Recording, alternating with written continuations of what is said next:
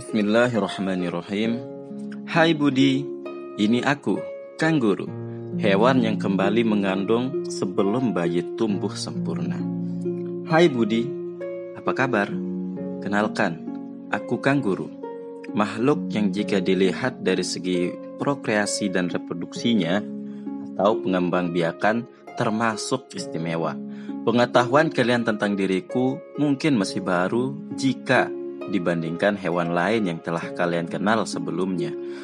Sejak masa Nabi Adam alaihissalam, kalian telah mengenal ribuan macam makhluk hidup di bumi ini seperti kuda, anjing, kucing, burung, ikan, serangga, reptil, dan ciptaan Tuhan yang Maha Kuasa lainnya.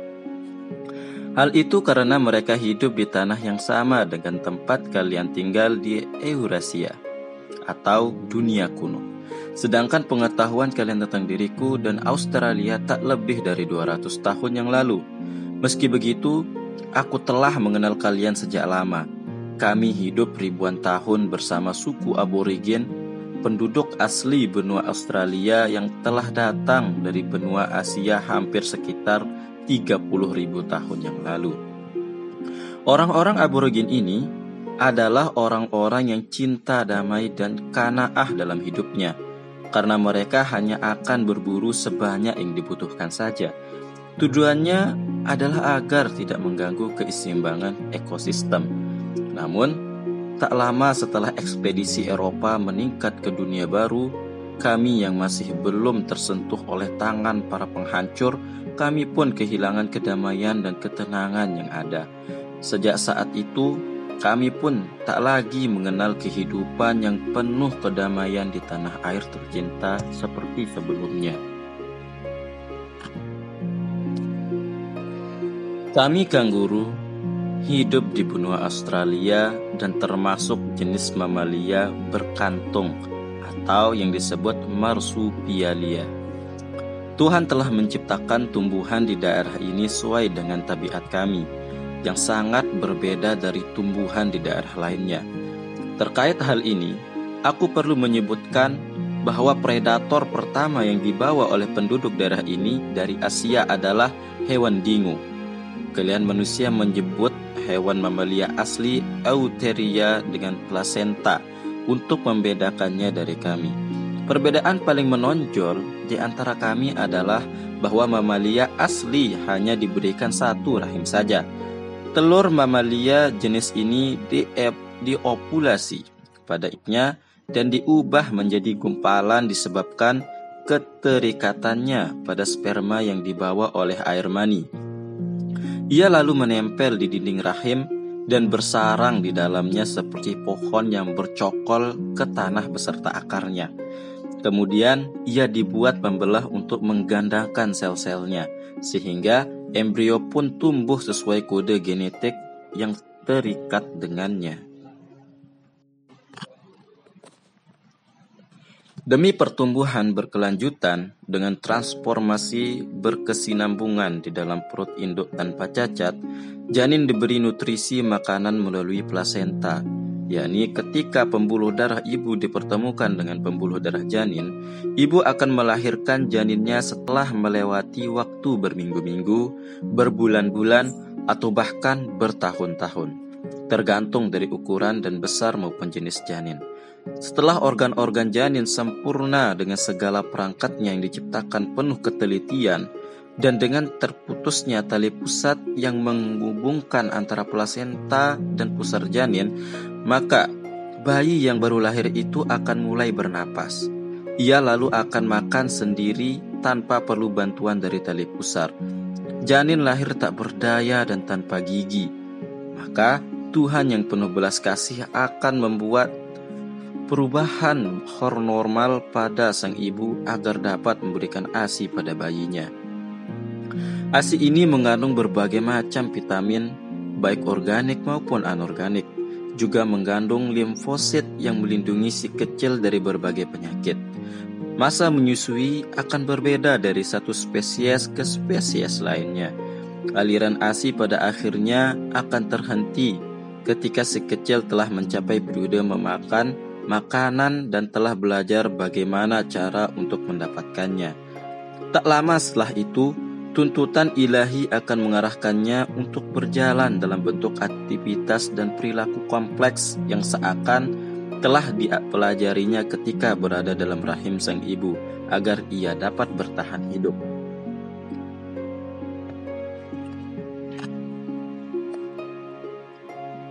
Namun, kami mamalia sinusoid ciptakan dengan mekanisme reproduksi yang sangat berbeda.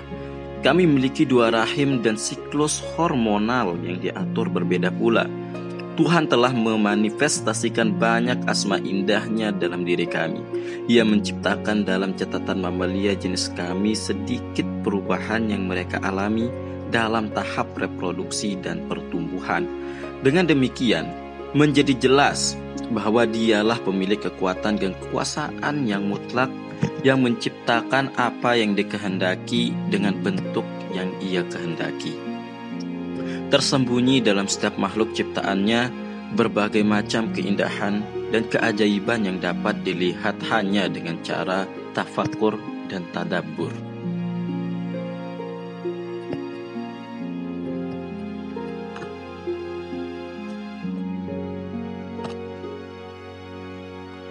Melahirkan sebelum tumbuh sempurna. Kami melahirkan anak-anak kami pada awal pembentukan genetiknya dan sebelum pertumbuhan kaki belakang, mata, dan juga ekornya, panjang bayi biasanya berkisar antara 5 sampai 15 mm. Jika hal ini terjadi pada mamalia placenta euceria, maka janin itu akan gugur dan mati. Yang artinya ibu akan mengaborsi janinnya seperti yang kalian manusia katakan. Bayi kecil kami yang terlahir sebelum sempurna pertumbuhannya dengan cepat akan menempel pada bulu perut sang induk yang dan merangkak di atasnya menggunakan tangannya yang kuat. Ia lalu akan masuk ke dalam kantung tanpa bantuan untuk meraih puting susu keempat yang ada di dalamnya. Si kecil yang bahkan matanya masih belum tercipta ini menempel patah puting ibunya dengan sangat kuat. Hal ini berarti bahwa kantung itu telah dilengkapi oleh zat yang maha pengasih dan penyayang dengan berbagai kelengkapan dan perangkat untuk dapat memenuhi segala kebutuhan makanan dan minuman si, si kangguru kecil yang tak berdaya itu.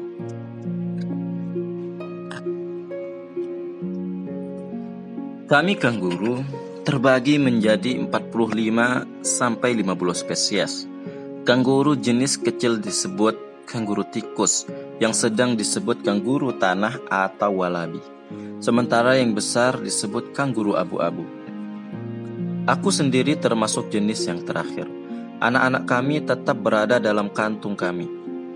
Meski saat makan maupun tidur dalam jangka waktu antara 150 sampai 320 hari tergantung pada ukuran tubuh mereka. Setelah periode itu terlewati, yakni ketika pertumbuhannya selesai, kami akan membiarkan mereka keluar dari kantung untuk berjalan-jalan sejenak. Dan jika kami, guru besar, melarang anak-anak kami kembali ke kantung, itu bukan berarti kami meninggalkan mereka. Namun, kami akan membiarkan mereka untuk memasukkan kepalanya hanya untuk menyusui saja. Kami harus melakukan ini agar anak-anak kami belajar hidup mandiri dan agar kantung itu siap untuk dipakai oleh bayi selanjutnya. Kalian mungkin bertanya-tanya, hamil lagi saat menyusui? Sebuah hal yang cukup menjengangkan, bukan?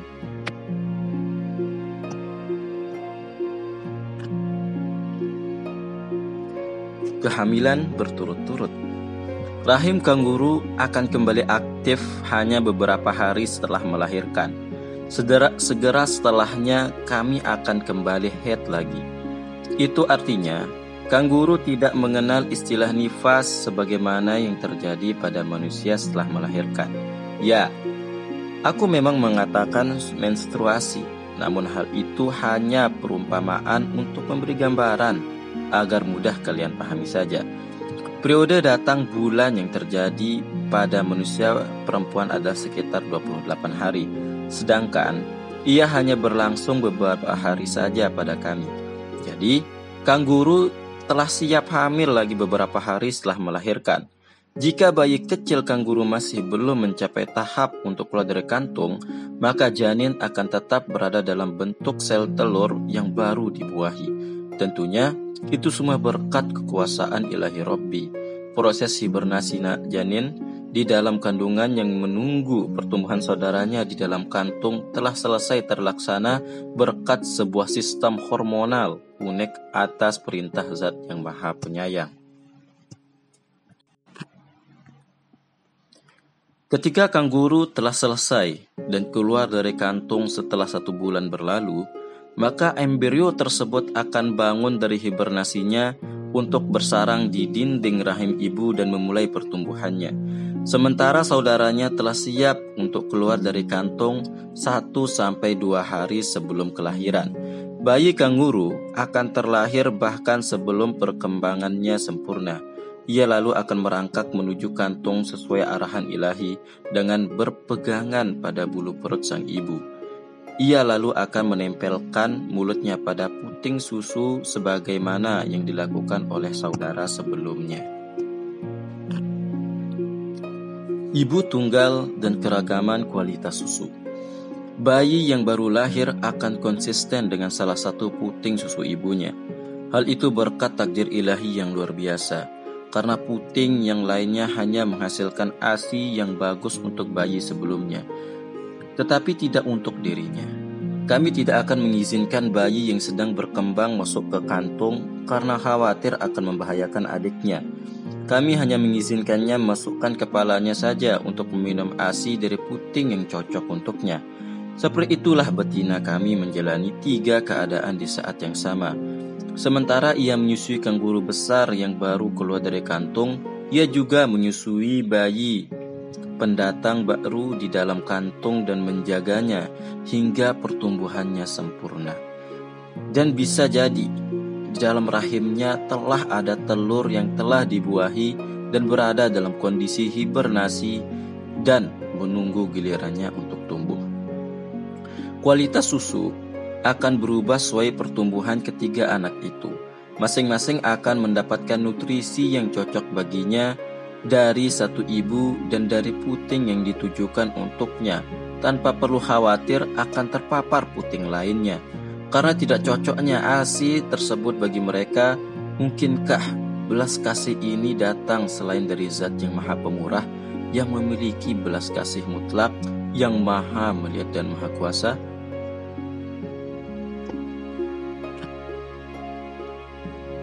Jadi mungkin bagi kenguru jenis kecil untuk melahirkan 2-3 bayi dalam perut yang sama. Sedangkan kenguru jenis besar hanya akan melahirkan satu saja. Terdapat beberapa jenis kanguru yang menunggu musim tertentu untuk kawin. Namun, sebagian besar kanguru menikah di waktu yang tak terbatas sama seperti kalian manusia.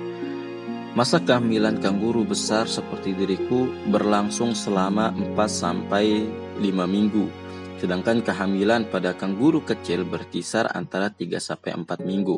Persalinan kami sangatlah mudah tanpa disertai rasa sakit atau kontraksi karena kami melahirkan janin berukuran kecil yang bahkan belum tumbuh sempurna.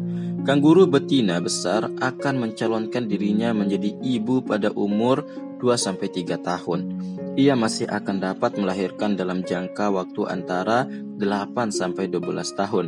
Sedangkan kanguru betina jenis kecil dapat mencalonkan dirinya menjadi ibu di usia 4-5 bulan saja dan hibernasi janin jenis ini akan berlanjut selama 10-11 bulan lamanya.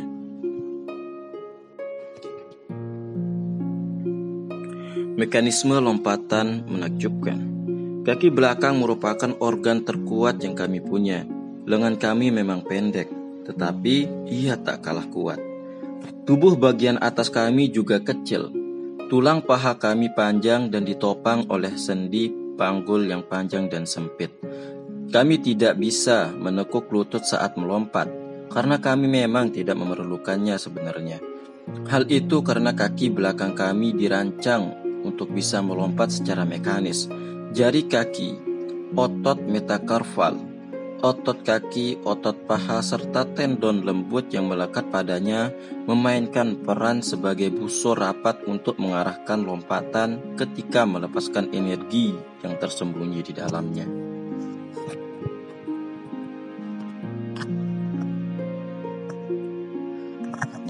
Pada beberapa spesies kami, dalam satu lompatan dapat mencapai 9 hingga 13,5 meter. Ekor kami dengan otot-ototnya yang kuat bertugas sebagai penopang selama kami melompat dan melonjak. Selain juga menjadi pengaman keseimbangan saat kami berdiri, seolah-olah ia adalah kaki kelima kami. Tujuan kami melompat adalah untuk membuat musuh kebingungan dan melarikan diri dengan cepat. Selain itu, kanguru jantan juga menggunakan ekornya saat bertarung satu sama lain. Zat yang maha kuasa dengan ilmunya yang tak terbatas menciptakan kulit yang sangat tebal di sekitar pinggang kanguru jantan atau dua kali lipat lebih tebal daripada kulit bahu untuk menjadi tameng yang melindungi perutnya agar tidak robek dan tertusuk akibat tendangan saat terjadi perkelahian. Terkadang kami merangkak, sementara di lain waktu kami melompat. Kami juga bisa berlari dengan kecepatan 55 km per jam. Namun, ada juga kanguru jenis kecil yang berlari dengan kecepatan 30 km per jam saja. Memenuhi kebutuhan tanpa ada kekurangan. Kami juga menggunakan lengan untuk mengukur suhu. Jika cuaca sedang panas, kami akan meludahi tangan kami dan mengoleskannya ke seluruh bagian tubuh untuk mengurangi panasnya. Ini semua berkat kemurahan Tuhan kepada kami. Dia menganugerahkan kepada semua makhluk ciptaannya organ dan kemampuan yang dengannya dapat dengan mudah menjalani kehidupan sesuai habitatnya. Kanguru tikus memiliki kemampuan penyamaran yang hebat, sama seperti jenis kanguru lain yang memiliki tangan panjang dan kuat yang memungkinkannya memanjat pohon dan hidup di sana. Jas kanguru ini akan turun dari pohon dengan mengandalkan ekornya yang kuat, datar, serta tidak memelintir. Ia juga memiliki bakat melompat dari pohon ke pohon lainnya dalam jarak dekat. Kanguru walabi yang habitatnya adalah daerah berbatu, ciptakan dengan kaki yang tidak pernah terpeleset sama sekali. Bagian depan perut kami diciptakan dalam bentuk seperti ruang fermentasi. Sang pencipta mengadugerahkan kami bakteri simbiosis dan organisme sel bersilia tunggal di perut dan usus guna membantu pencernaan. Bahkan, ia yang maha kuasa menciptakan beberapa spesies kami dapat menahan urea atau zat sisa dari proses pencernaan dalam urin sebelum mengeluarkannya untuk pembentukan protein lagi.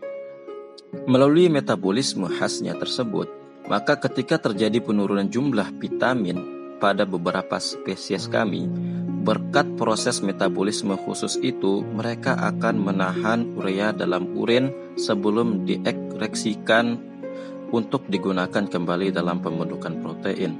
Betapa indah pekerjaan yang dirancang zat yang maha indah ini bukan?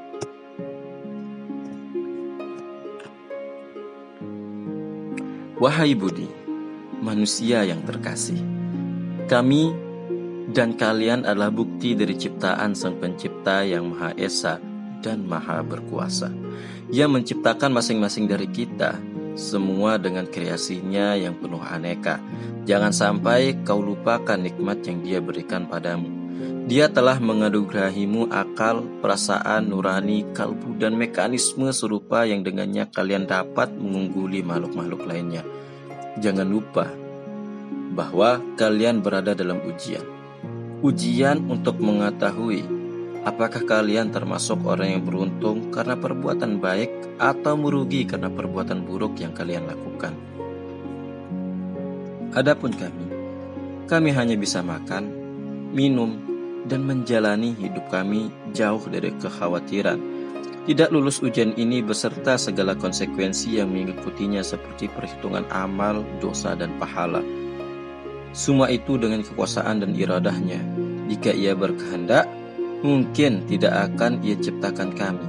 maka segala puji baginya yang telah memberikan kami berbagai macam kenikmatan. Baiklah, kini kutinggalkan dan kubiarkan kau, wahai Budi, untuk merenungkan dan memikirkan untuk apa sebenarnya kalian diciptakan.